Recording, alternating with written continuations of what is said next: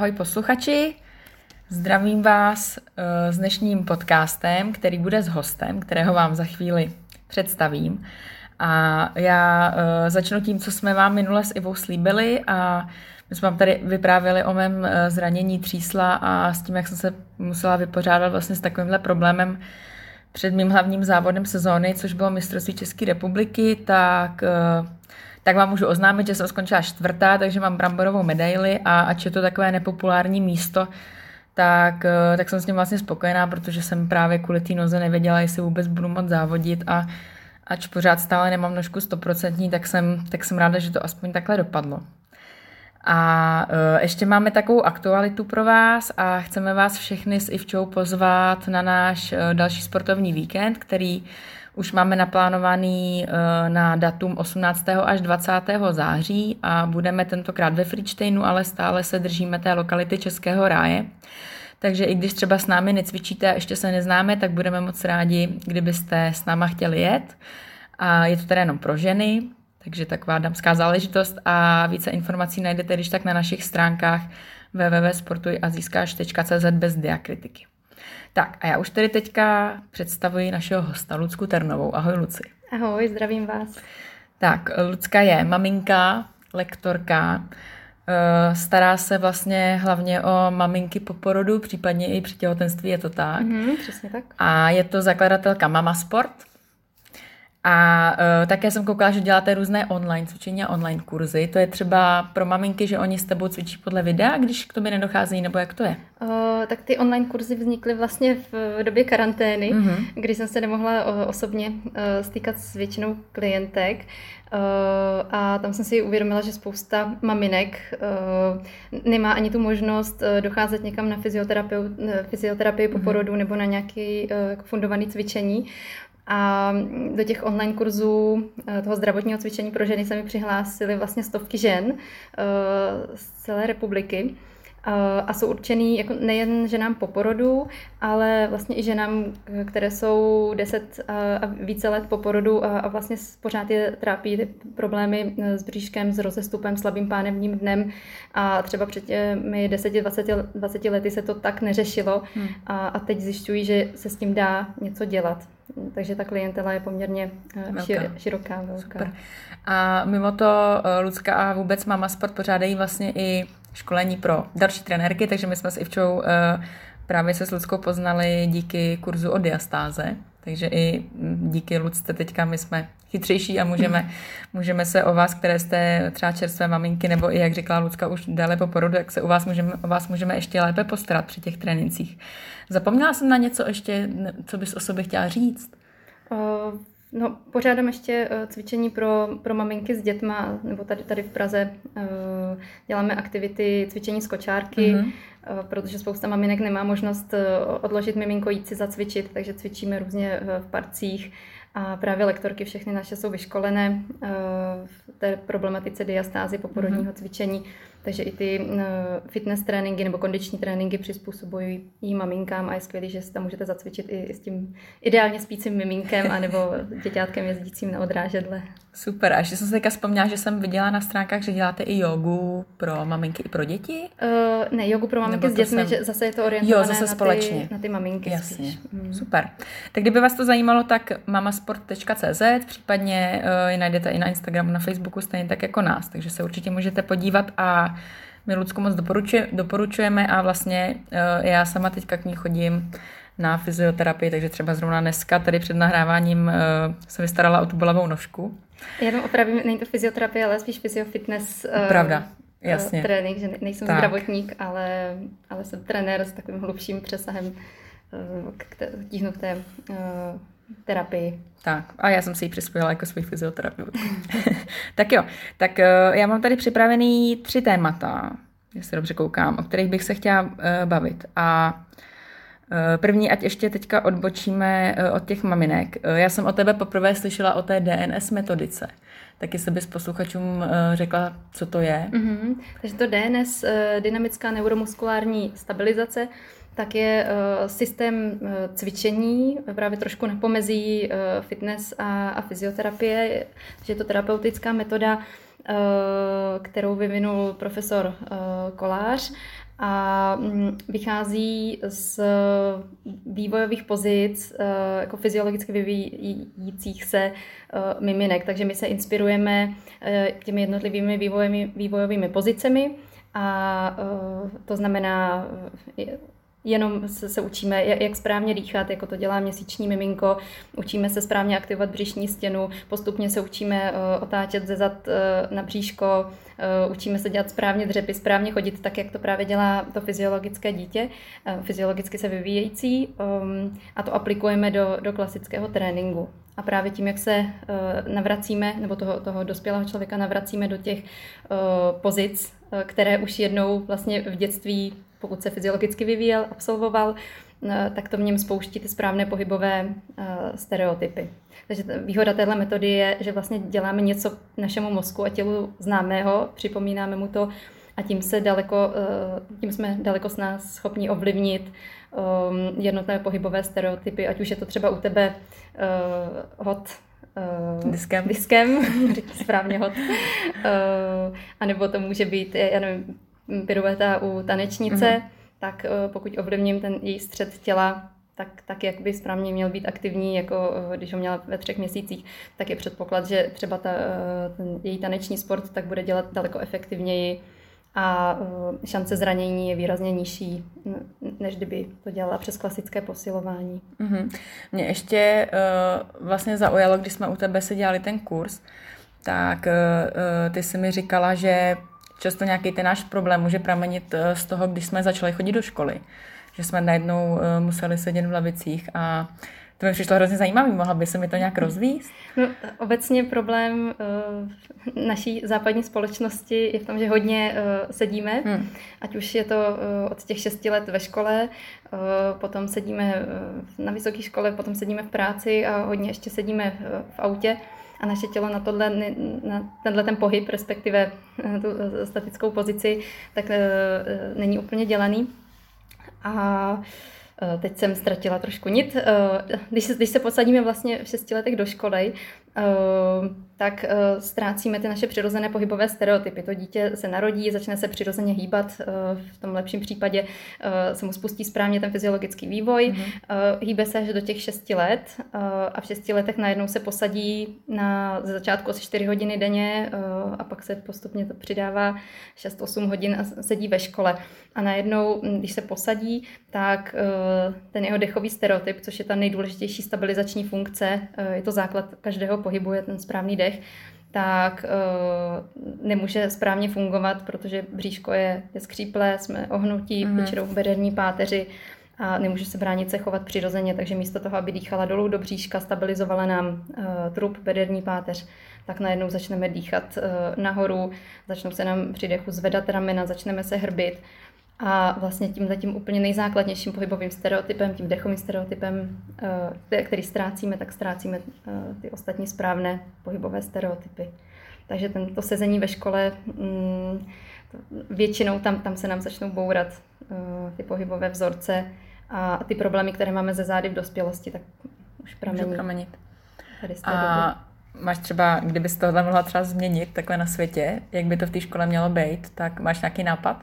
No, ideálně ta jednotka, tak jak je teďka postavená, uh, no, vyučovací jednotka má 45 minut, což uh, pro to malé dítě uh, je dlouho. Je, je dlouho, nejen z hlediska toho jako fyzického, ale i psychického, Jasně, že není schopné, je schopné hmm. se soustředit, myslím, šestileté dítě asi 20 minut hmm. a to je maximum a pak to soustředění už ztrácí, takže i z tohohle hlediska těch 45 minut je nesmysl, takže bych určitě dělala kratší jednotky a líbí se mi, že v některých systémech školství Eh, eh, třeba ve valdorské pedagogice, tak eh, vlastně je tam víc pohybu, děti, si, děti se učí třeba na zemi, nemusí nutně sedět mm-hmm. u stolu.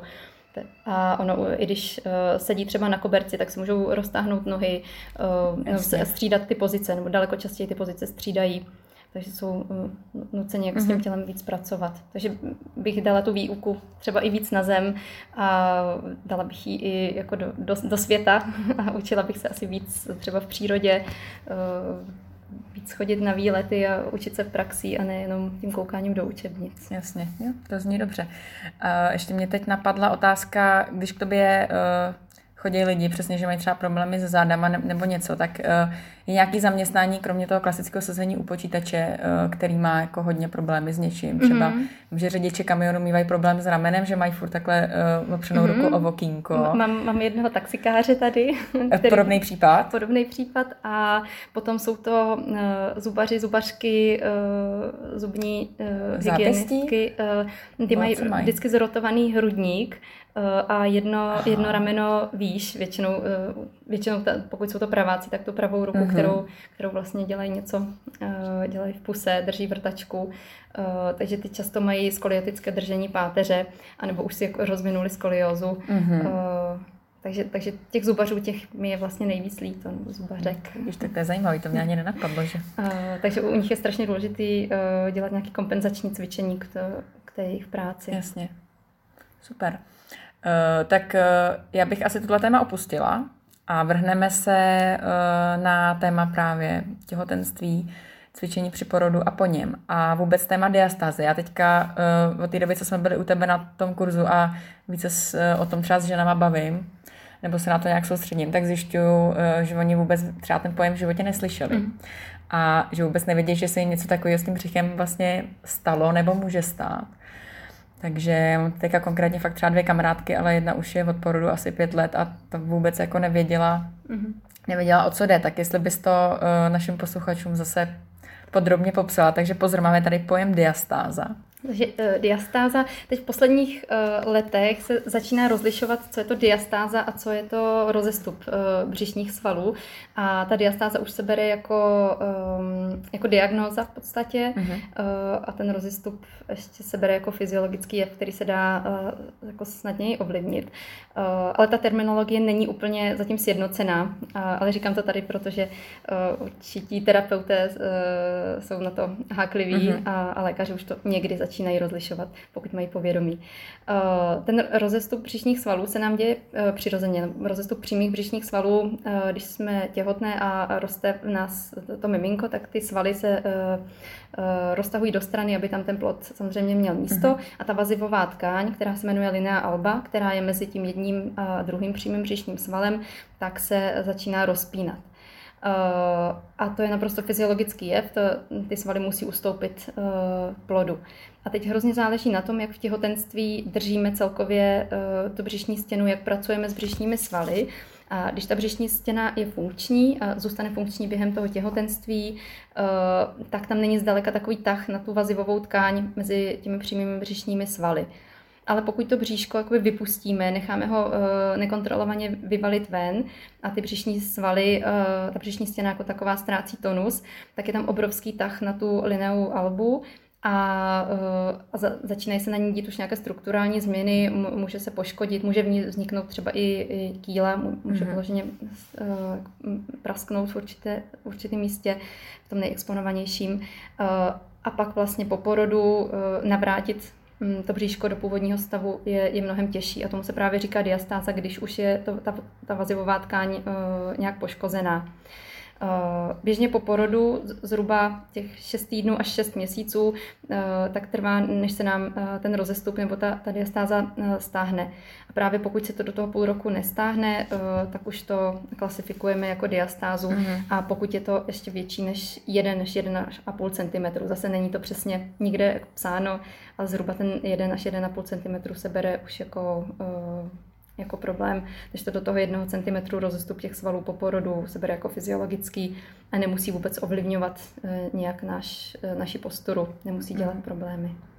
A eh, vy pokud už jste po porodu a chtěli byste zjistit, jestli máte diastázu nebo nemáte, tak si to můžete i doma zkusit otestovat.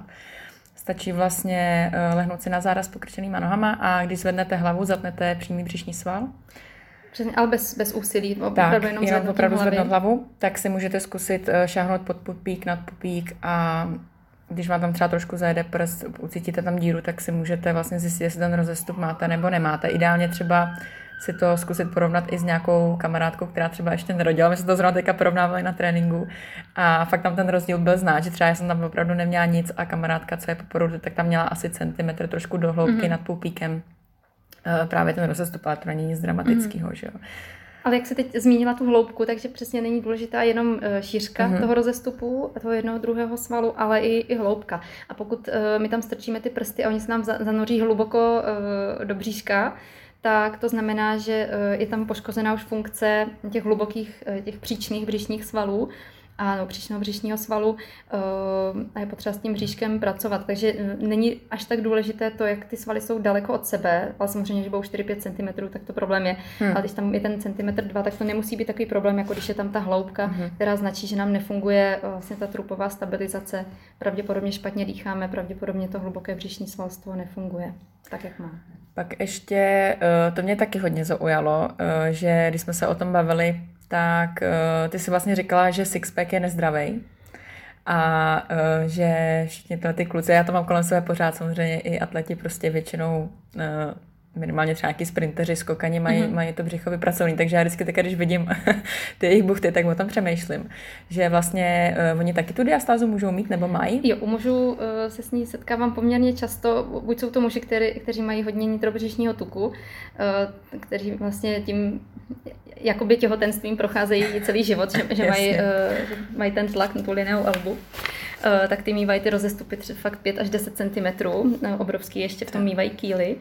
A u těch sportovců právě tím, jak to, ty přímé břišní svaly hypertrofují, jak je jako permanentně posilujeme, oni se zvětšují, tak ten rostoucí sval, který má ještě velký tonus, takže právě dělá tu, tu buchtičku, mm-hmm. tak táhne tu lineu albu zase do stran a zase je tam tlak na tu, nebo tah na tu vazivovou tkáň a vlastně třeba šance nebo riziko té kýly je tam daleko větší než u člověka, který mm-hmm. má nižší napětí v té břišní stěně. Mm. Uh, takže, ale zase je sixpack a sixpack, uh, můžu mít funkční břicho hm, s hypertrofovanými svaly, ale vidí se to méně často. Jasně. Uh, takže i s tím sixpackem se dá, uh, dá se dělat i ta paráda, ale zároveň je potřeba tam mít tu funkci. Ale často, když třeba u, u mužů vidíme jako, jako velké ty bochánky na, na bocích nad pánevními mm-hmm. kostmi, a říkáme si, jo, to tam, tam má svaly, tak často uh, to může značit ale i menší tonus právě v těch, uh, té dolní části při, šikmých břišních svalů a znamená to, že tam ta funkce ne, není úplně jako ideální. Že ten trup je stabilizovaný jenom, jenom tím přímým břišním svalem a to není žádná stabilizace. A to, tohle je jako je taky hrozně zajímavý, protože uh, znám i spoustu právě kamarádů, který usilují o to, aby, aby tam tyhle ty bučky měly. Mm-hmm. A mhm. musím říct, že mě se to třeba i u těch chlapů líbí. Takže s těma tím mě taky jako Lucka dostala, že to vlastně není nic jako super to mít. Uh, ne, jako nemusí, pro to tělo. to být, ano, přesně tak. A ještě se zeptám, eh, když jsi říkala, když jsme se bavili o té diastáze u těch eh, třeba obézních právě lidí, tak dá se to tam vůbec jako našáhnout? Přes ten tuk? Jenom se ty prsty musí zabořit trošku hloubš, ale uh, často ten tuk je, je dobrým ukazatelem uh, už jako v diagnostice, když se na toho člověka podívám, uh, ať už ve stoji nebo v lehu, tak, tak ten podkožní tuk vlastně kopíruje napětí svalu pod tím. Mm-hmm. Takže já vlastně na těch stínech toho břicha vlastně v tom můžu vyčíst někdy daleko víc než u uhubeného člověka. Jo, jo, jo. Hmm. A, a zároveň ale neznamená, že když někdo uh, jako má tuk na břiše, že musí mít automaticky diastázu, anebo že když má nějaká žena po porodu to břiško hodně vyvalené, že tam má diastázu nebo rozestup, uh, může to znamenat jenom celkově nízké napětí v celé břišní stěně. Takže jako je vždycky potřeba tu diagnostiku udělat důkladně. Mm-hmm. A uh, teďka po tom porodu, když uh, budu mít tu diastázu třeba malou, tak uh, špatným posilováním se to můžu zhoršit. Mm-hmm. Je to mhm. tak? Určitě. To, to vazivo, ta linea alba je tam oslabená. Mm-hmm. A ve chvíli, kdy začnu posilovat vyloženě přímý břišní mm-hmm. sval, budu dělat sedilehy, tak najednou ten tlak, stejně jak jsme mluvili u, u těch sportovců, co budují sixpack, tak tah na tu lineu albu bude ještě větší a ve chvíli, kdy je oslobená, tak se to může zhoršit. Takže je potřeba začít uh, i, v případě toho malého rozestupu cvičit správně. Šikmý břišní svaly. Šikmý břišní svaly, uh, dechový stereotyp, ten, mm-hmm. je, ten je základ v terapii diastázy. Jo, a tady jenom k tomu, uh, možná se to taky spoustu lidí neuvědomí, ale uh, všechny ty cviky, jako právě různé ty typy plenků neboli prkna, tak tam vlastně taky zatěžujeme hodně ten přímý břišní sval. Takže ani to uh, není vlastně vůbec ideální cvik na cvičení takhle po porodu. Po porodu, uh, když už tak nízké prkno mm-hmm. a, a opravdu tam dobře kontrolovat uh, to ten dech a, a zapojení. Ano. Takže určitě asi v tomto případě, když tak pod dozorem, než, mm-hmm, určitě než začátku. Doma si najít trenéra, který je v té problematice vzdělaný. Super. Uh, pak ještě, uh, to jsem taky vůbec nevěděla, že se může udělat, uh, ta střížka na bříšku. Mm-hmm. To znamená, uh, ta se dělá vlastně, že když zapojím ten přímý břišní sval, tak se mi udělá taková jakoby boulička mm-hmm. kolem pupíku nebo nad pupíkem. Nad pupíkem, většinou taková střížka. Tak uh, jak se to stává? Protože teď jsem se právě taky setkala u, u té kamarádky, která už je pět let po porodu, tak jsem mm-hmm. se teďka všimla, mm-hmm. nikdy jsem se to předtím nevšimla, protože jsem ani vlastně nevěděla, že, že se tohle stává, takže teďka už pracujeme taky na tom, aby, mm-hmm. aby tam nebyla. Tak jestli nám zase k tomu něco můžeš říct a co s tím dělat, když se nám to stává? Uh, no, tam to se stává ve chvíli, kdy uh, to vazivo je hodně oslabené uh, a nefunguje, nefungují nám tam dobře ty šikmé břišní svaly. Mm-hmm.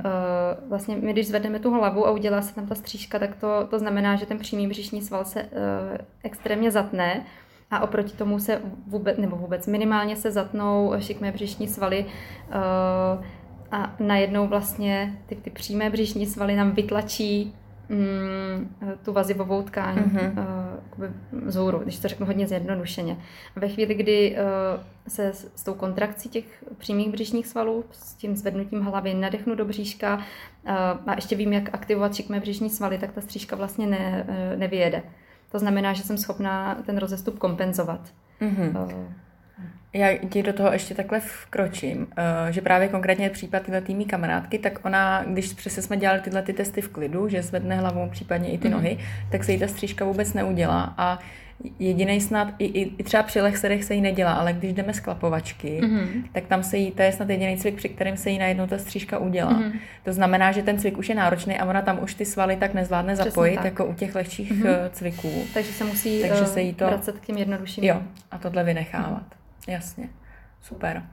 Uh, tak a teďka, to jsme teda probírali po tom porodu. A když je teda žena těhotná, tak jak to, jak to má ze cvičení? Co by mhm. mohla dělat, co, ne, co by neměla?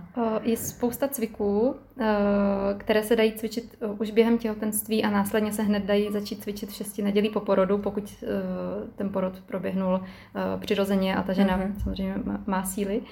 Uh, takže to břišní svalstvo určitě doporučuji i v těhotenství cvičit, ale ne stylem sedy lehy. Nechceme dělat žádný cvik, uh, kde ten přímý břišní sval by mohl jít do eh, koncentrické kontrakce a mohl by iritovat dělohu, mohl by nějak dráždit eh, a, a případně by mohla potom děloha eh, přejít s tím drážděním do kontrakcí.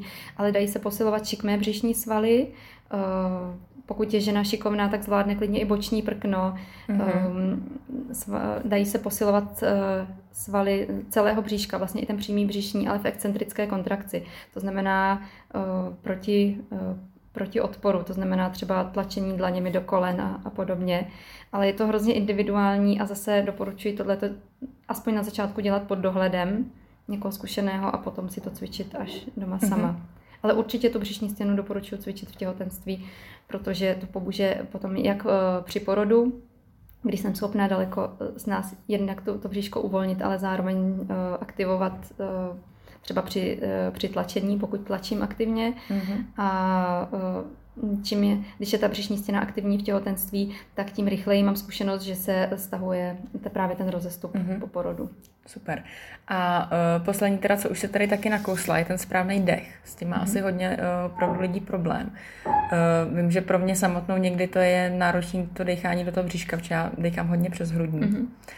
Tak uh, proč myslíš, že s tím máme problém? No, se zvracíme do těch šesti let našeho života, kdy se posadíme do školy, eh, tam se ohneme, zlomíme bederní páteři a vlastně bránice nemůže vykonávat ten svůj přirozený pohyb do stran a dolů, tak začne dýchat do stran a vlastně nahoru. Eh, a ten dech není zdaleka tak efektivní a tam si to zafixujeme ve škole eh, a dalším pak sezením třeba u počítače, děláme úkoly domácí, to je prostě další hodina, dvě sezení denně tak si, tak si to fixujeme. Se teď, teď mě napadla možná úplně blbá otázka, ale setkala se třeba s případem, který krásně dechá do bříška, nebo pak třeba se neumí nadechovat nahoru do toho hrudníku? No, ten optimální dech je eh, takový, kdy se nám eh, roztahují, eh, nebo ten hrudník se roztahuje ve, do strany. v té spodní části do strany uh-huh. a, a jemně se vlastně zvedá bříško a, a probíhá tam tlak i do, do bederní páteře, uh-huh. rovnoměrně dozad. Uh, v podstatě, když někdo má ten dechový stereotyp dobrý a má funkční břišní stěnu, tak ani nevím, nesetkala jsem se s tím, že by neuměl se třeba nadechnout pod klíček mm-hmm. na, nahoru, takže tady ten opak jsem nezažila. Možná to ani třeba nikdo takový není, to mě jenom teďka napadlo. A uh, u toho dýchání teda, uh, když to chceme naučit klientku, uh, tak tam vlastně je taková pomůcka, že se třeba na to místo dá ruka, která se musí vytlačit nebo nadzvednout. Mm, nejlepší je přesně tam mít tu zpětnou vazbu té, té vlastní dlaně, takže třeba a začínat to učení správného dechového stereotypu rozhodně v leže na zádech, mm-hmm. stejně jak to dělá to miminko. Ono se taky po porodu nepostaví, nezačne dýchat, protože to prostě nefunguje, ale hezky si lehnout na záda, být v relaxované pozici, položit si dlaň na pupík a zkoušet, jestli jsem schopná s nádechem, nikoli s hlubokým dechem, ale s běžným dechem se nadechnout, aby se mi ta ruka lehonce zvedla. Ale pokud někdo uh, má třeba velkou hrudní kyfózu, anebo naopak uh, hrudní záklon, je, má uh, hyperlordózu, má hodně prohnutá bedra, uh, tak to dýchání do bříška vlastně není úplně pro něj ideální, mm-hmm. protože mm, je předpoklad, že má oslabenou břišní stěnu a ona se s tím uh, dechem do bříška bude ještě více vyklenovat. Tam není opora té břišní stěny, takže je dobré dát si naopak ruku pod uh, bederní část zad a snažit se dýchat, nasměřovat ten dech tam. U extrémních případů, kde, kde je velký hrudní záklon třeba, tak je potřeba i ten hrudník maličko jako manuálně srovnat, aby byl rovnoběžně s podložkou a pak až začít správně mm-hmm. dýchat. Takže zase to na tom trenérovi uh, nebo fyzioterapeutovi, který musí vidět, uh, jestli tam je to nastavení toho hrudníku třeba pánve nějak extrémní mm-hmm. a, až potom začít trénovat ten dechový stereotyp. Super. Já se tě teď zeptám na otázku, kterou se eh, takhle tam, na kterou se takhle tam vždycky. Eh, s čím k tobě lidi nejčastěji schodí? Pořád platí, že to je bolest zad? Nebo už se to nějak vyvíjí jiným směrem? Ne, platí bolest zad. Pořád záda. mm-hmm. A teď samozřejmě to mojí hlavní klientelou jsou maminky po porodu, mm-hmm. takže řeším hodně eh, ten rozestup, ale většinou, když je tam nějaký velký rozestup nebo hodně povalená břišní stěna, pánevní dno, tak stejně jsou tam ty bolesti zad jako důsledek. Je to teda uh, potom tak, že když to třeba někdo přijde přesně s ramenem nebo s nohou, tak, uh, tak je to pro tebe zábavnější, protože je to něco, co tak často neděláš. Ano, ty ramena mám zrovna hrozně ráda. Takový komplikovaný kloub zrovna, ne? Mm. no na jednu stranu komplikovaný, na druhou stranu, když uh, si jako to vizualizuju, co se tam děje a, a tu kůži si v hlavě uh, z toho klienta sundám, tak uh, vlastně přesně vidím, co se tam děje a, a který svaly tahají kam a, a kam nemají tahat. Uh, takže pro mě osobně uh, ta terapie ramene se mi docela daří, nebo, nebo mm-hmm. správný trénink těch pohybových stereotypů ramene, uh, to, je, to je celkem jasná. A ještě bych se uh, ráda dostala k takovému, taky se myslím, velmi častému nešvaru, a to jsou ploché nohy. Mm-hmm. Takže uh, já sama s tím mám problém, vím, že s tím mají uh, hodně problém sportovci. Tak uh, jak se k tomu stavíš? Protože ty mě přijdeš taková uh, nemotivovaná že uh, já mám vlastně taky problém s plochýma nohama a s haluxema, což jsou uh, takový ty zakřivený palce. Mm-hmm. A už jsem se jako říkala, že už se s tím asi nic nedá dělat a Lucka mě teďka hrozně nakopla, když mi řekla, že jako to není pravda.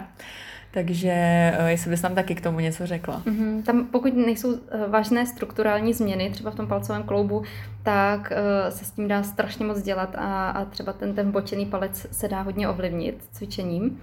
Uh, i to, to plochonoží. Ale ještě chci říct, že samotná plochá noha neznamená, uh, že je tam nějaký velký problém. Důležité je, je potřeba se na ty nohy podívat i v pohybu. A uh, někdy, když je ploší, ne, není tak klenutá ta klenba, uh, tak ta noha může být plně funkční. Mm-hmm. Každý máme trošinku jinou genetiku, máme trošinku jako jiné úhly, poměry v kloubech, uh, máme trošku jiný tonus ve svalech, ale důležitá, důležitější než to, co vidíme na, na první pohled u, u stojícího člověka, tak je důležitá ta funkce v, v pohybu. A to, to třeba vidím často i u malých dětí, kterými jsem vodí maminky, že mají třeba e, jako valgózní vbočné e, kotníky, ploší nožku, mm-hmm. ale když ty děti potom vidím, jak dělají dřepy, jak chodí, jak běhají, tak najednou vidím, že ta noha se hezky zapojuje. A u dětí ta klemba se vyvíjí až do 6. roku života, takže pokud vidím ploché nohy u, dítěte, nemusí to Eh, vůbec nic znamenat. Ne, neříkám, že s tím nemáme nic dělat, nebo to třeba mm-hmm. konzultovat, ale eh, jako neděl, neděsila bych se toho. A jinak eh, je problém no, v posledních generacích od té doby, co se nosí špičaté boty, no, tak to nejsou poslední generace, to je asi od od středověku, možná i trochu dál, tak ty prsty vlastně nutíme vyvíjet se, no ty, ty klouby v prstech vyvíjet se tím směrem do špičky, hmm. takže k, té, k těm bočeným palcům si pomáháme sami hodně tou špičatou obuví. Takže uh, doporučuji maminkám, pokud zase není nějaká těžká patologie na nohou, tak už uh, mimink, nebo dětem, co začnou chodit, tak už dávat capáčky, botičky, které nejsou do špičky, aby tam právě jsme mohli zachovat tu funkci prstů. A třeba my jsme generace, která vyrostla na špičatých botech nebo botičkách do špičky, uh, a to znamená, že my, jakmile jsme začali chodit a už nám někdo dal bačkurky, eh, které byly lehce do špičky, mm, tak už jsme nemohli eh, mít správnou odrazovou funkci eh, prstů. Ty prsty tam začaly ochabovat, ty klouby se tam začaly formovat právě do, jako do té mhm. špičky a ta funkce našich chodidel není tak, není tak kvalitní.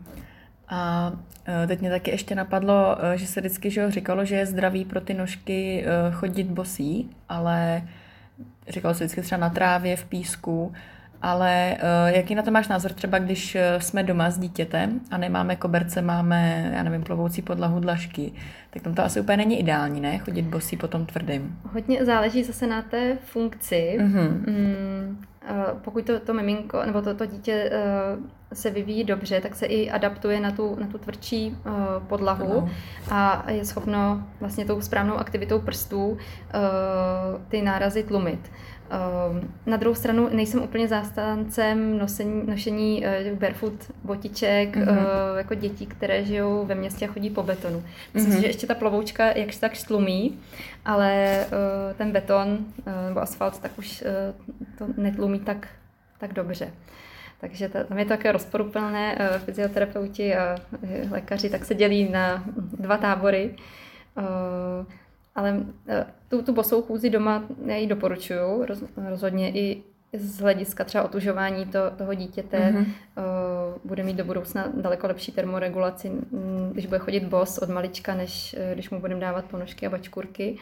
A navíc uh, to, to bosé dítě se chová daleko přirozeněji a má daleko lepší pohybové stereotypy, než když mu od malička dáváme uh, buď ponožky, kdy mu to potom klouže na té mm-hmm. podlaze, anebo, nebo i nějaké botičky, které mu zabraňují třeba, když leze uh, po kolínkách, tak uh, aby, uh, aby se tam ta, ta nožička hezky ohnula. Super. Tak, teďka tady mám uh, pro tebe jednu otázku od Ivy. Mm-hmm. Co tě naučili tvoje dvě děti? Uh, trpělivosti. Já jsem extrémně netrpělivý člověk a to se, teď jsem se musela naučit uh, té trpělivosti, takže to jednoznačně jim za to A když bys, to, když bys to vzala nějak třeba do toho právě pohybu, mm-hmm. tak okoukala se na nich něco? Nebo uh, jo, je, překvapili tě třeba něčím, co dokážou? Nebo sama jak cvičím to DNS a, a ty, ty vývojové pozice, uh, tak si uvědomuji, jak neskutečně to je náročné. A když vidím, že moje uh, roční dcera, kolik udělá denně, hm, až třeba stovku dřepů, jak je udělá krásně a precizně a vlastně bez úsilí, tak, tak to nechápu, hmm. uh, protože my dospělí, když jdeme dělat dřepy, tak aby jsme udělali, zachovali tu kvalitní um, techniku, tak jich rozhodně jako stovku se neuděláme. neuděláme. A tady u, u ní vidím, že ty dřepy jede jeden za druhým. Eh, to samé, když se chcem kvalitně přetáčet ze zad na bříško, což už dělá mm, pětiměsíční, šestiměsíční miminko, eh, tak pokud to učím klienty, tak eh, tu techniku absolutně nemají a když se ji už, když si osvojí, tak se otočí třeba desetkrát a teče z nich pot.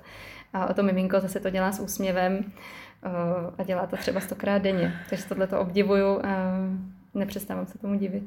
Eh, to je pravda, že občas eh, takhle tyhle ty návštěvy jsou fakt náročný, no, že přesně i já, která jsem zvyklá prostě tady zvedat nějaký, no, ne tuny, ale velký kila a docela tvrdě trénovat, tak občas opravdu eh, tady taky odcházím spocena a ty cviky jsou náročný, klepete se a kratlík, takže Uh, takže s tím souhlasím, no, že ty děti ty to tak dělají všechno jednoduše, krásně. Oni o tom tak nepřemýšlí, mm. oni furt fungují na ty podvědomé bázi a my jak všechno analyzujeme už tou vědomou částí mozku, tak eh, vlastně i tím to pro nás může být náročnější.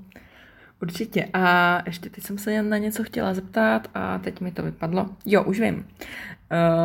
Já jsem tady taky ještě dneska získala od Lucky zajímavý poznatek, který prý teďka koluje takhle doktorskýma kanálama.